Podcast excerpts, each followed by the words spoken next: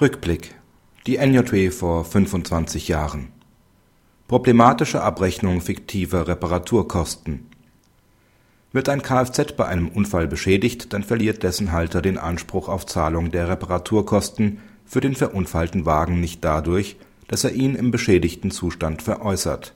Das gilt auch dann, wenn die Veräußerung vor der Schadensregulierung erfolgt ist, so die ständige Rechtsprechung des BGH, wie in einem vor 25 Jahren in der NJW veröffentlichten Urteil nachzulesen war (NJW 1985, Seite 2469). Aber auch die Abrechnung auf Basis fiktiver Reparaturkosten unterliegt nach der Rechtsprechung Grenzen.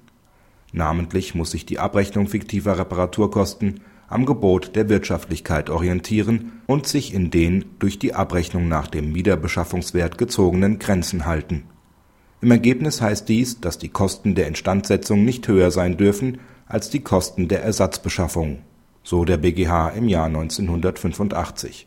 Im Zusammenhang mit der Abrechnung fiktiver Kosten hat nun das Landgericht Krefeld (NJW 2010, Seite 3040) entschieden dass der Geschädigte sich auf eine ihm ohne weiteres zugängliche, günstigere und gleichwertige Reparaturmöglichkeit, namentlich eine nicht markengebundene Fachwerkstatt, verweisen lassen muss.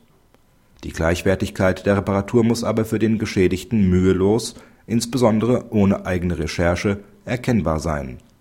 Insoweit erwarten die Gerichte vom Schädiger, dass er dem Geschädigten entsprechende Informationen zukommen lässt etwa ob es sich bei der Werkstatt um einen Meisterbetrieb handelt, ob Originalersatzteile verwendet werden und ob die Werkstatt Erfahrungen in der Reparatur von Unfallfahrzeugen hat